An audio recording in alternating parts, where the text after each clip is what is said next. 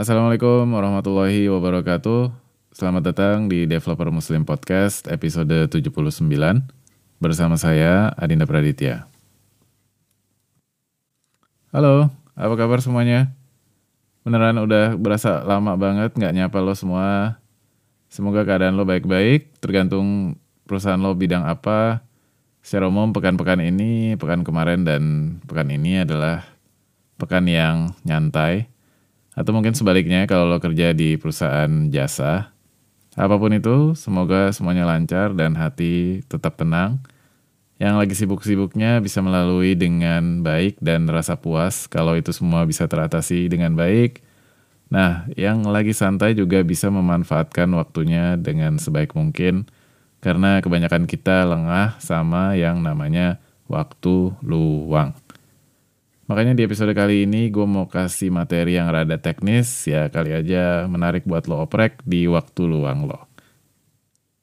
Makasih udah dengerin podcast ini bahas seputar developer, apa yang bikin mereka produktif, berkembang, dan peduli sama lingkungan.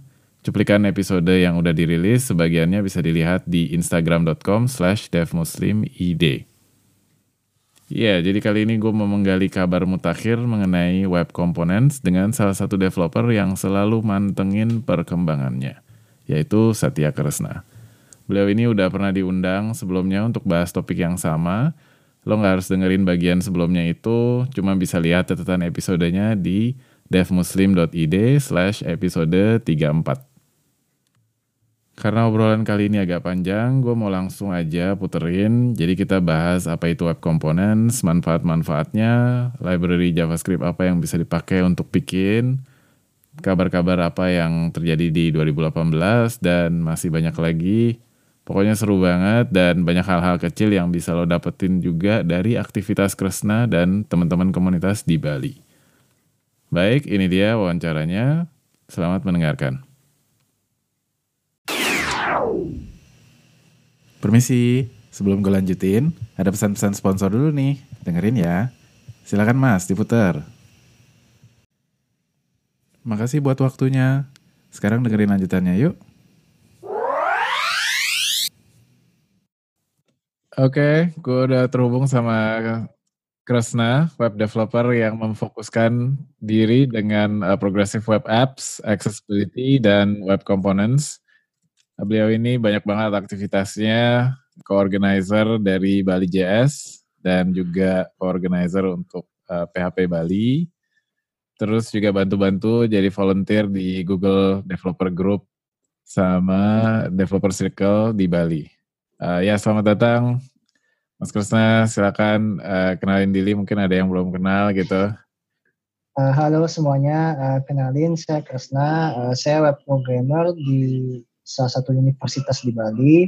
Uh, kerjaan saya bikin internal sistem mereka, uh, tapi saat ini belum pakai teknologi yang disebutkan Mas Dida tadi, pakai progressive web apps, accessibility dan web components karena case-nya beda di tempat kerja saya. Jadi saya pakai ini untuk ekspor-ekspor dan ke depannya kalau ada project gitu. Hmm. Uh, sekarang saya lagi diwawancara Mas Dida, gitu aja. Iya udah udah hampir satu tahun kurang sepekan ya. Iya satu tahun kurang sepekan saya saya pertama kali di tantangan Mas Dida apa ngisi di sini gitu. Hmm iya iya iya. Aktivitas yang terakhir ini apa ininya uh, yang lagi yang di terakhir yang terakhir uh, mungkin dari dua minggu lalu sampai ya eh dari itu kan bulan lalu Deves bantuin Devsi juga ada workshop habis itu uh, dua minggu lalu saya bikin library uh, library untuk PHP sih jadi kayak konversi tanggal tanggal ke bahasa Indonesia sebenarnya sih sudah ada dengan karbon nah cuman masalahnya setelah saya coba, oh masalahnya di library-nya. Karena kan Laravel bikinnya di Carbon versi satu sekian. Sedangkan untuk yang bahasa Indonesia itu kita bisa nyoba mulai dari versi 2. Ya udah saya bikin library untuk terjemahin ini gitu. Karena di kantor kan saya uh, sering bermain dengan tanggal. Saya harus display tanggal dalam bahasa Indonesia gitu. Iya, yeah, iya. Yeah. Terus itu yang dua minggu lalu. Sama satu lagi saya lagi uh, bikin semacam panduan untuk belajar PHP modern. Jadi kita bikin PHP Dashway di repositorinya PHP Bali. Itu baru saya sendiri sih yang ingat nanti ada teman-teman dari organizer maupun volunteer maupun dari teman-teman uh, komunitas bisa bantu apa hmm, yang kurang, apa yang bisa dibantu. Nah ini awalnya terjadi karena saya kan nyari ini uh, di JavaScript itu ada repo namanya the JS Way. Ah. Nah, terus uh, the JS Way, nah saya nyari PHP Way, nah ternyata nggak ada. Ya udah deh, coba bikin sendiri. Jadi saya tuangin apa-apa aja yang bakal dipakai di dunia kerja, kita main apa aja di dunia kerja di PHP Dashway-nya ini. Jadi siapa tahu bisa diimplementasikan di dunia kerja. Gitu. Hmm. Terus kemarin kemarin pas tanggal 15 Desember kita sama Devsi apa ngadain kayak renungan gitulah sama kayak acara PHP Indonesia sekarang itu kayak uh, renungan di tahun ini apa terus tahun depan mau ngapain gitu. Jadi oh, kita iya, iya. Uh, jadi kita dibagi berkelompok terus disediain kertas karton lebar gitu, bikin draft gitu. Tahun depan ngapain? Habis itu tantangannya apa, kendalanya apa gitu. Asik sih. Ya nanti saya akan ulas di blog pribadi saya lah biar teman-teman bisa sip. Mantap, mantap. Banyak banget, aduh, keren, keren, keren. Itu buat komunitasnya atau masing-masing pribadi atau gimana yang renungan itu? Renungan itu buat semuanya, mau komunitas, mau pribadi gitu.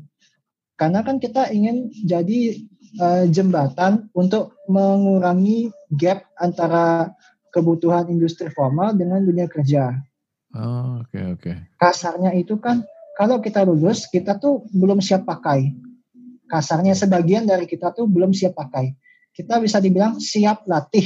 Itu lebih tepatnya. Bukan siap pakai. Oh, iya, iya, iya. gitu. Dilatih dulu baru bisa pakai gitu. Karena karena kurikulum pendidikan kita itu berubahnya nggak dinamis gitu kayak di IT sekarang. Mobile programming baru masuk 2017an di Bali. Uh. ya, ya itu pun cuma kulit kulitnya doang. Bahkan kayak nggak nyentuh nyentuh kulit banget gitu. Terus yeah, yeah progresif web app saja belum diba belum muncul di kurikulum pendidikan gitu. Mm-hmm. Ya pokoknya nggak sabar lah tahun depan pengen tak hajar gitu pengen tak ada workshop aja. Iya, iya, iya. hajar dan hajar itu dalam artian uh, kita mau ngepush biar bisa tahu bahwa uh, ini lo ada komunitas tempat kamu bisa bertanya, bisa berbagi sesuatu gitu. Iya iya. Iya keren banget ya. Um, ya sekarang nih uh, kita mau bahas ini nih web components karena tahun lalu kan kita bahas web components dan kayaknya mungkin uh, enak kita bahas updateannya apa aja sih gitu kan. Iya. Uh, terus ya mungkin supaya buat catch up yang layak yang dengerin yang yang belum terlalu tahu apa itu web components kira-kira gimana nih? Uh, jelasin secara ringkas nggak web components itu apa?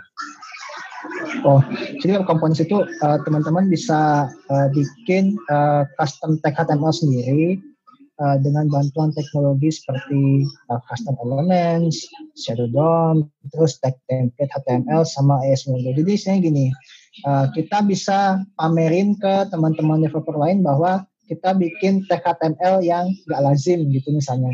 Misalnya uh. saya bikin uh, tag HTML uh, GitHub slash people gitu misalnya. Yeah. Nah, saya bikin tag custom HTML GitHub slash people. Terus saya uh, pamerin nih di orang cara pamerannya ya saya publish misalnya di webcomponents.org atau pas saya demo ke mereka teman-teman developer itu saya tinggal inspect elemen gitu. Nih lihat nih ada GitHub uh, dash people gitu nih coba kalian cari di HTML5 pasti nggak ada kan kayak gini gitu. Jadi iya. secara langsung mereka penasaran ini gimana cara buatnya gitu. Seperti itu sih uh, secara garis besarnya. Iya. Atau bisa di demoin yang npm package itu kan?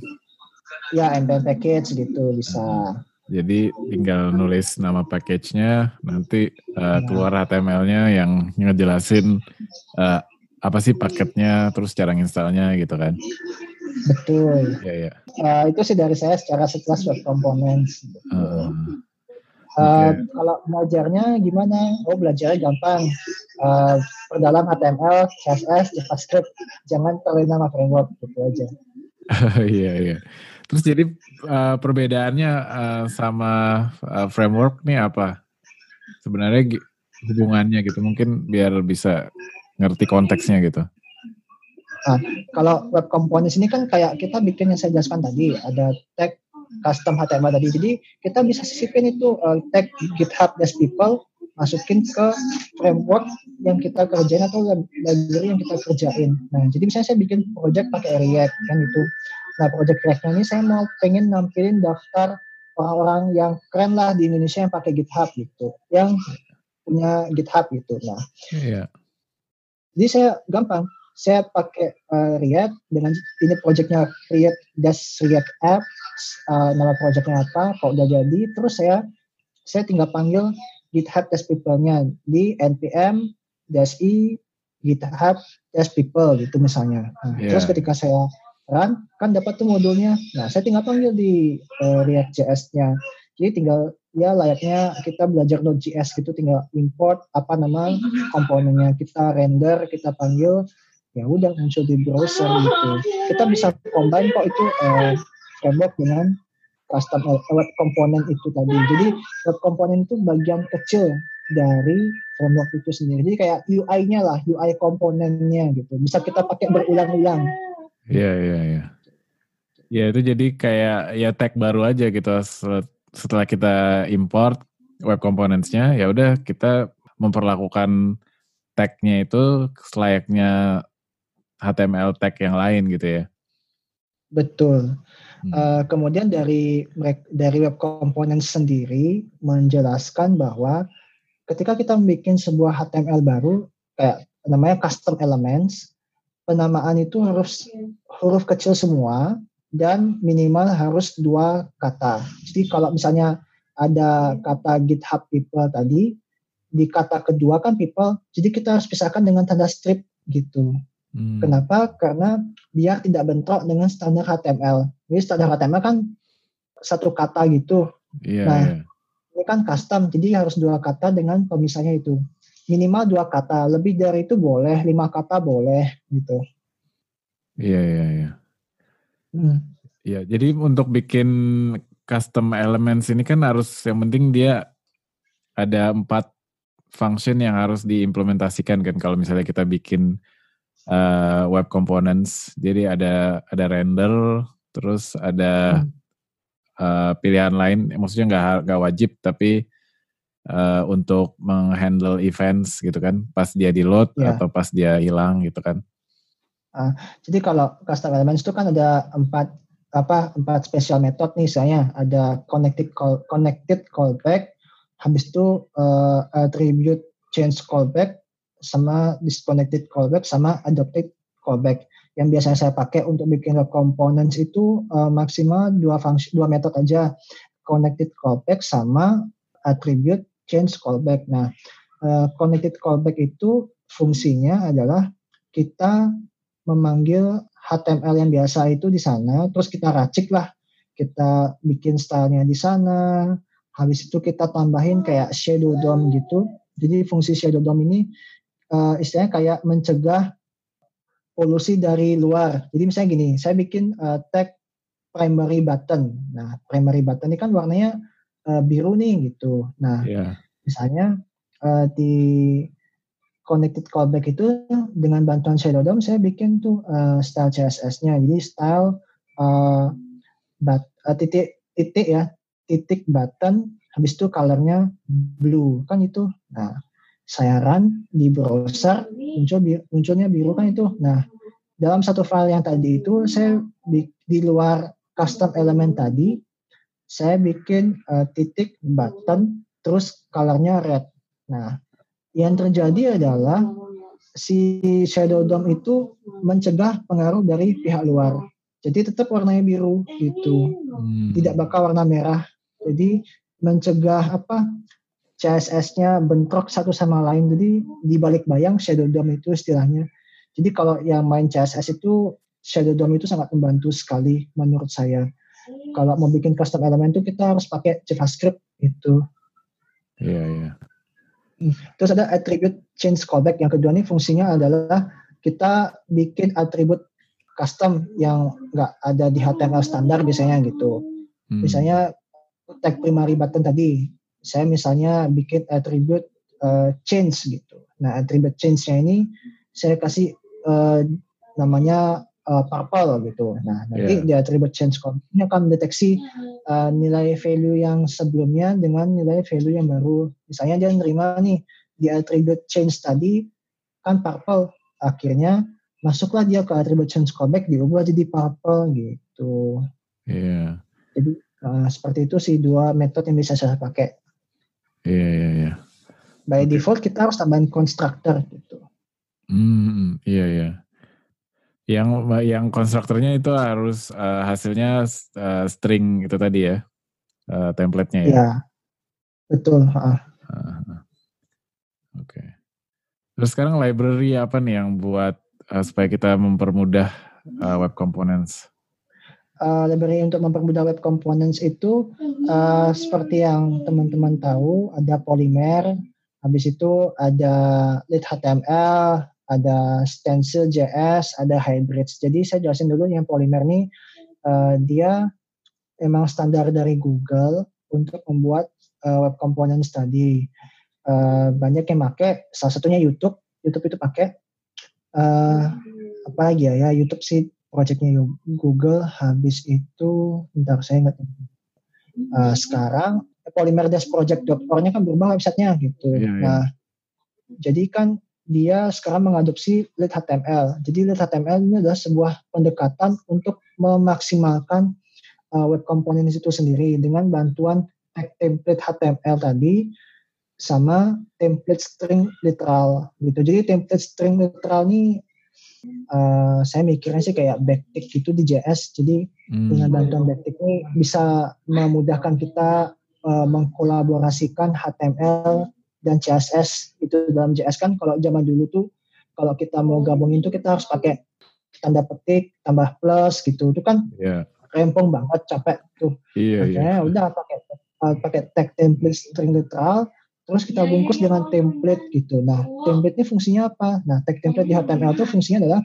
uh, ketika kita manggil dia, dia cuma manggilnya sekali gitu. Misalnya uh, kalau kita baca fisika itu dan namanya hukum inersia. Inersia itu kan benda itu cenderung mempertahankan kemalasannya lembab istilahnya gitu. Hmm. Nah, itulah yang dilihat oleh uh, yang saya lihat sih, itu yang saya lihat dari oleh HTML. Uh, teman-teman coba kalian bikin sesuatu bikin sesuatu pakai tag template. Nah dalam tag template itu kan tempelin uh, tag H1 misalnya halo gitu. Uh, uh. Terus kalian kalian run di browser, kira-kira muncul nggak tag template-nya? Ya nggak muncul. Kenapa? Karena seperti saya bilang tadi, tag template itu hanya akan dipanggil kalau dia butuh, dia lembam, inersia gitu istilahnya. Hmm. Jadi cara untuk cara untuk memanggilnya ya kita harus nge-clone istilahnya. Jadi tag template itu menyediakan uh, fitur .clone uh, modenya apa gitu. Iya, baru jadi untuk menginisiasikan kalau itu tuh perlu gitu ya. Jadi ya. Uh, akan dipakai gitu kan. Uh, di Vue.js sendiri kan uh, kalau kita bikin project pakai Vue CLI to do misalnya saya bikin project to do list gitu. Uh -huh. Saya bikin to do items.view. Nah, Vue sendiri kan pecah di, di tiga tiga ya tiga komponen tiga ya? Tiga komponen kayak ada komponen HTML-nya ada komponen JS-nya ada komponen CSS-nya nah di ya. komponen yeah. HTML sendiri itu teman-teman bisa lihat dia tuh pasti awal mulanya pakai tag template. Tujuannya kenapa? Seperti yang saya bilang tadi inersia. Kenapa uh, karena kalau kita lepas gitu aja itu akan memboros uh, istilahnya DOM, Document Object Model. Karena yang saya pelajari itu cost menghasil apa cost untuk mengakses sebuah DOM itu mahal. Jadi yeah. makanya diciptakan teknologi namanya virtual DOM gitu. Iya yeah, iya. Yeah. Jadi nah. biar nggak langsung pakai tem tag template supaya nggak langsung di render gitu kan? Iya biar nggak langsung di render. Iya betul. Mahal dia. Uh, hmm. Costnya mahal untuk browser gitu.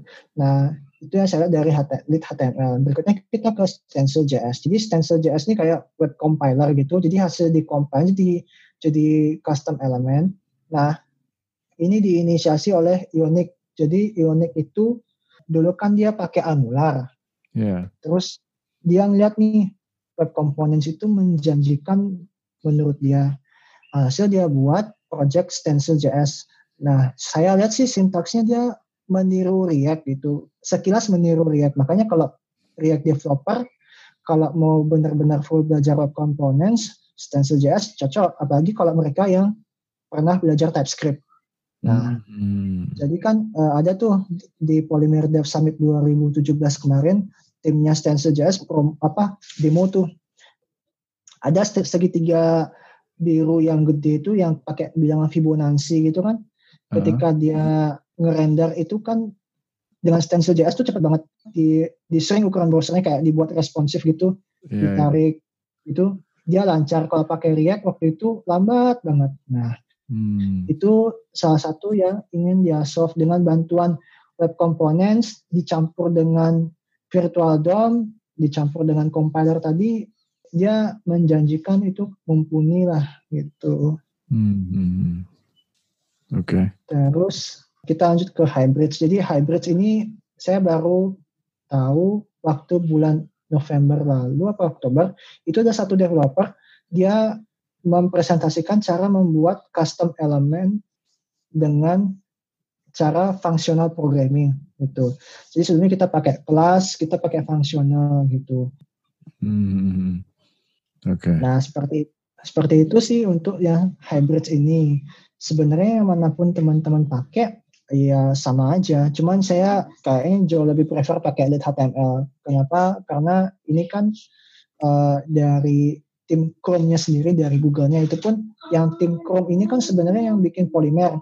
Nah, si Justin Vanyani itu kan dia yang bikin yang jadi tim buat Polymer sama tim Lit HTML. Jadi si Justin ini sama tim beberapa dari timnya tuh meresearch bikin Lit HTML. Jadi ke depannya si Polymer ini uh, bakal disupport dengan lead HTML gitu secara penuh kayak saya lihat. Hmm. Gitu. Mulai dari Polymer versi 3 ya? Versi 3 ya betul. Hmm. Kalo, bahkan kalau mau tanpa Polymer pun kita bisa pakai lead HTML biasa atau lead element kalau nggak salah. Gitu. Oh iya, yeah. yeah, yeah. Kalau yeah. yang kemarin kan uh, ada projectnya uh, itu dari Mas Yohan uh, website web unconf.id itu kan dia pakai ini HTML gitu. Yeah. Jadi sekalian dia promosiin ke teman-teman yang developer di Indonesia bahwa kita bisa lo bikin sebuah web dengan web components gitu. Hmm. Ya itu jadi kalau misalnya nanti kita masukin linknya nanti bisa diinspek lah uh, ininya gimana cara ininya ya. Betul. Ya, saya saya tadi sempat ngetes di screen reader di di Chrome uh, pakai uh. screen reader kan dia kan tagnya itu kan custom tag tuh. Yeah, uh, tuh. Nah saya mainin tuh uh, screen readernya pakai voice over. Saya yeah. tap tap tap kebaca apa langsung kebaca tag natifnya HTML-nya itu uh, link lokasi link uh, sponsor link organizer. Oh kebaca dia langsung uh, tag hmm. natifnya gitu.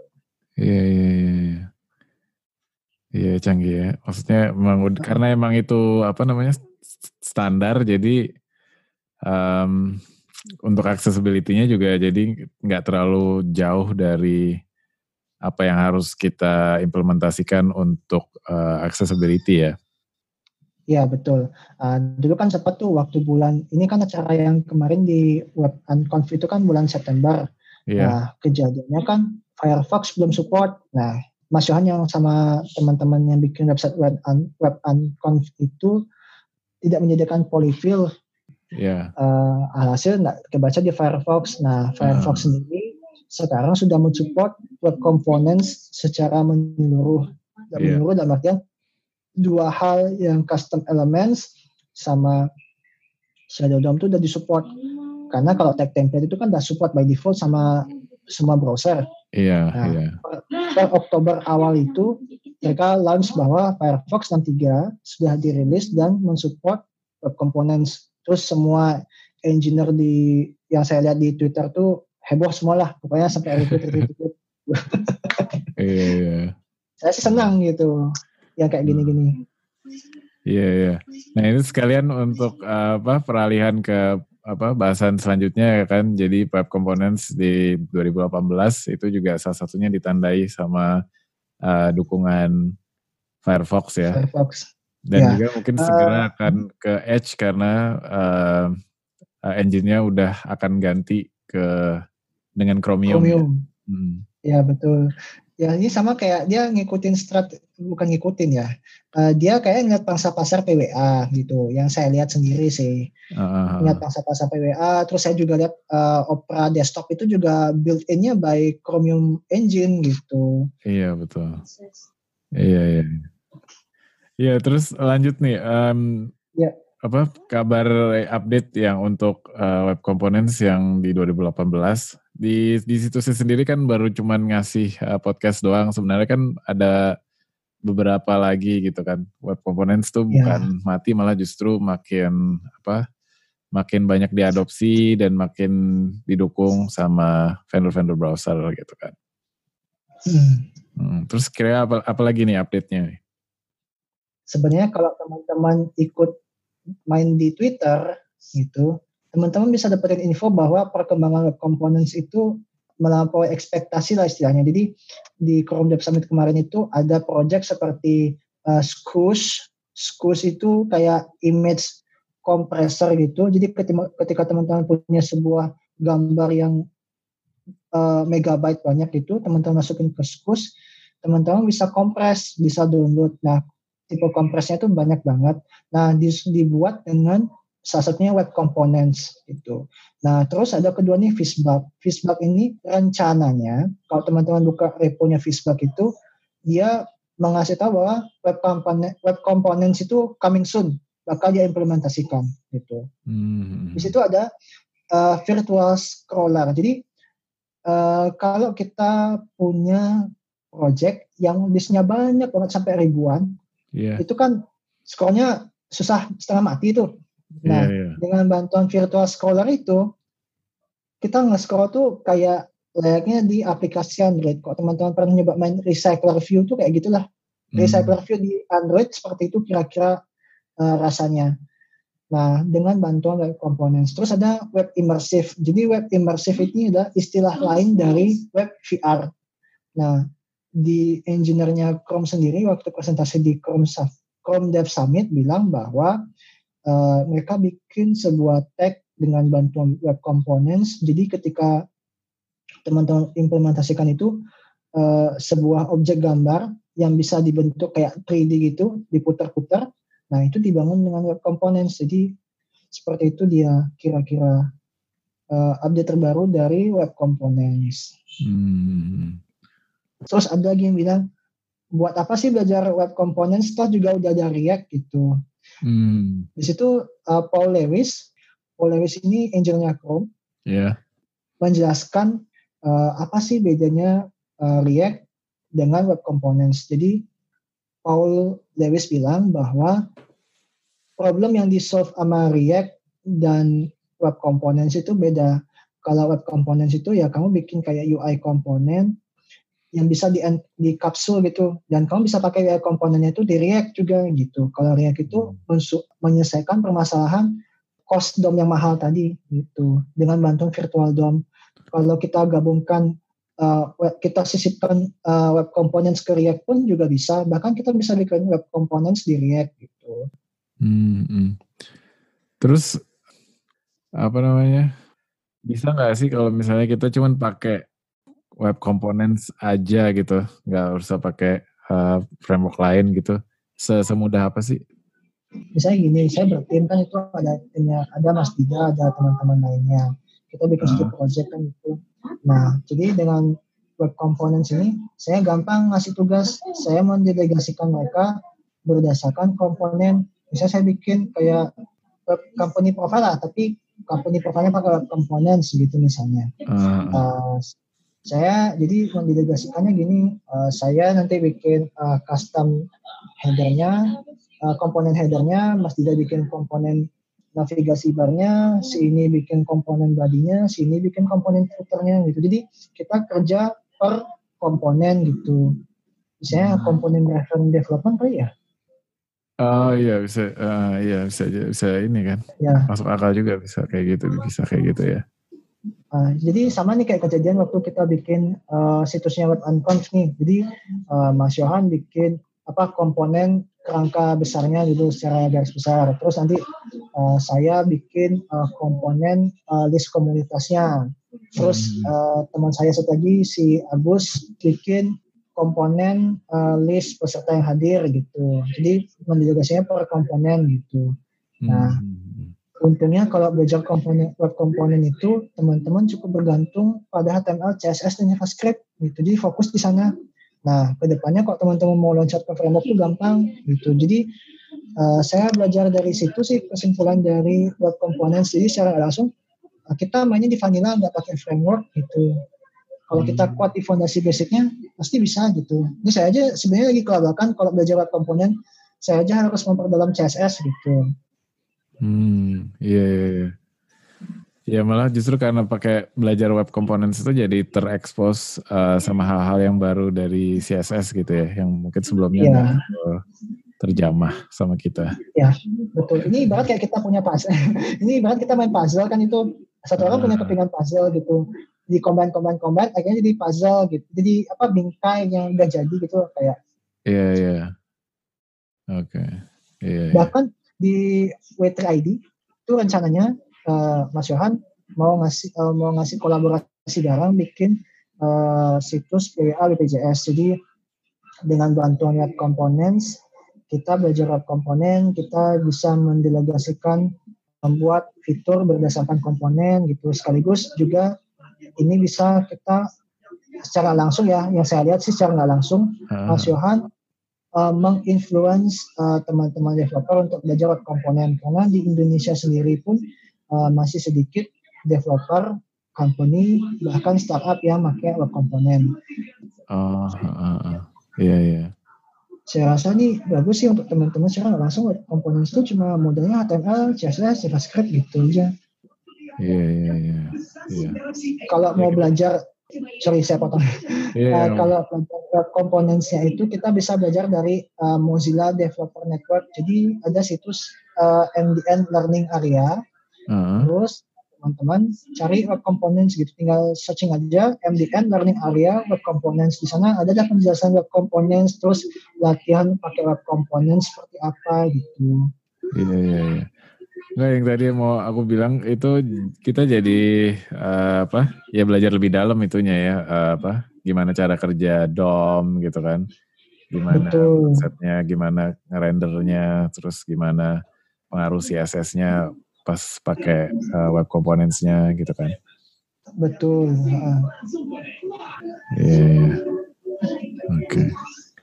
Uh, ada satu project lagi namanya Web Component Studio. Kalau teman-teman cari di GitHub itu ada uh, situs Web Component Studio. Mm-hmm. Itu yang buat dia bikin komparasi, bikin web components dengan beragam framework. Mm. Dia bikin semacam project to UI-nya sama dengan CSS yang sama pula, tapi diimplementasikan di beragam framework maupun library. Jadi banyak banget yang di cover kayak Angular, Lead Element, Polymer 2, Polymer 3, Sketch.js, Slim.js, Stencils, VLT gitu. Banyak banget ini. Nanti saya akan kasih linknya. Iya, iya. Itu lumayan jadi bagus buat yang buat ngebandingin mungkin ada orang yang biasa pakai Angular gimana sih ngebandingin dari uh, Angular sama web components gitu kan ya bahkan dia ngasih bikin benchmark langsung ini dalam artian size-nya berapa giga, berapa kilobyte gitu. Hmm. Oke. Okay. Ya terus kalau misalnya mau belajar, uh, tadi kan list-listnya udah ada MDN Learning Area, terus sama nanti kalau misalnya mau ngebandingin web component studio juga bisa gitu kan. Ya. Gimana nih, uh, ada milisnya atau uh, grup atau yang bisa bantu-bantu kalau misalnya ada pertanyaan? Kalau saya nanya paling di www.id underscore PWA di Telegram atau hmm. enggak saya lihat aja di Twitter gitu di YouTube uh, kemarin dia kolab, apa si Paul Lewis dia kolaborasi dengan pemilik uh, channel Fun Fun Function Nah, uh. ini ini kan terjadi karena perdebatan React versus web komponen. Iya, yeah, iya. Yeah. Akhirnya diundang si Paul Lewis sama si pemilik uh, channelnya Fun Fun Function gitu. Hmm. Iya, yeah, yeah, boleh tuh ininya apa link di YouTube ya? Link, oh ya siap siap. Saya akan kasih. Oke okay, mantap. Oke okay, ada lagi nggak nih yang mau ditambahin ya? Kalau sejauh ini cukup. Nanti saya akan bikin uh, postingan di blog pribadi, mungkin rekap atau semacamnya gitu. Oke, okay, sip, sip, sip. Okay. Ya.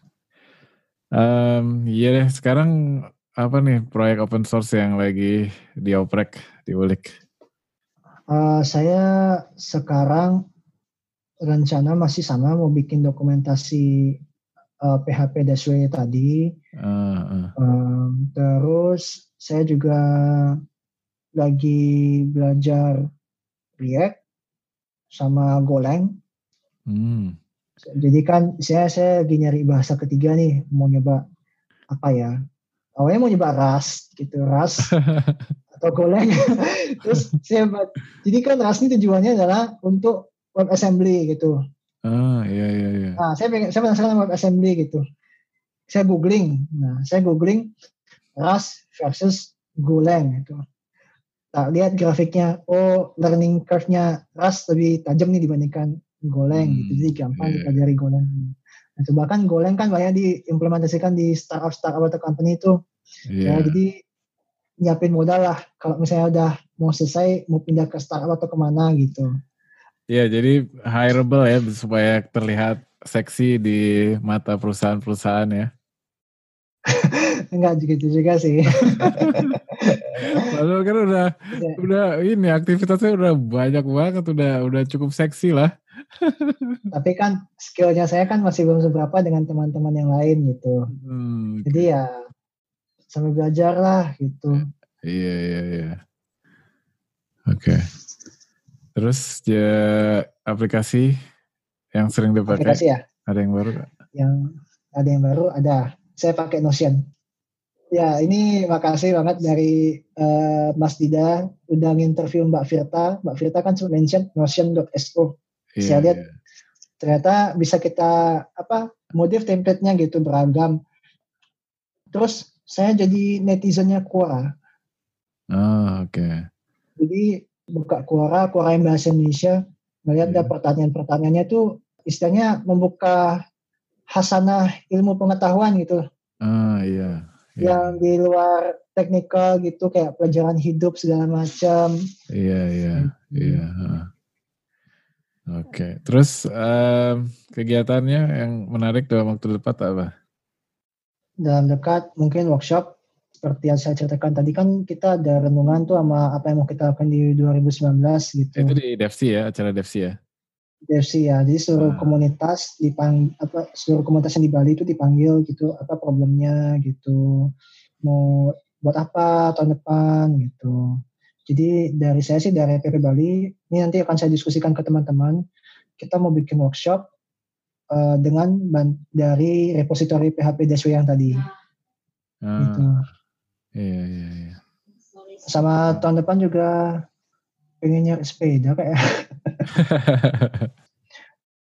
Terus juga dalam waktu dekat sih kalau nggak ada halangan uh, ngisi di Bali JS bahas web accessibility gitu karena kan accessibility ini kan masih baru di Indonesia kalau yang saya lihat sih ingin saya uh, push aja gitu ngenalin bahwa hmm. penting banget accessibility ini gitu. Jadi kalau implicitnya yeah. accessibility itu bisa meningkatkan SEO. Iya. Gitu. Uh-huh. Uh, itu sih dalam waktu dekat. Iya deh, makasih banyak nih, makasih banyak. Aduh, udah. Ya, mas, makasih banyak nih. Sampai ketemu Ayo, nanti. Dadah. Sampai ketemu online. Yuk, sip. Dadah. Bye-bye.